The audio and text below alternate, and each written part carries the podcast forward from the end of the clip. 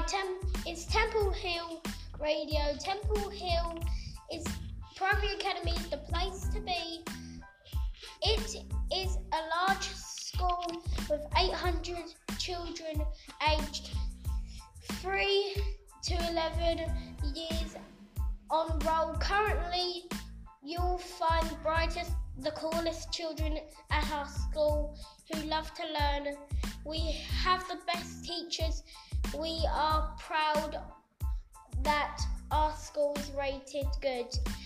Temple Hill Primary Academy opened a specialist resource program for children with speech and language needs in 2018 September.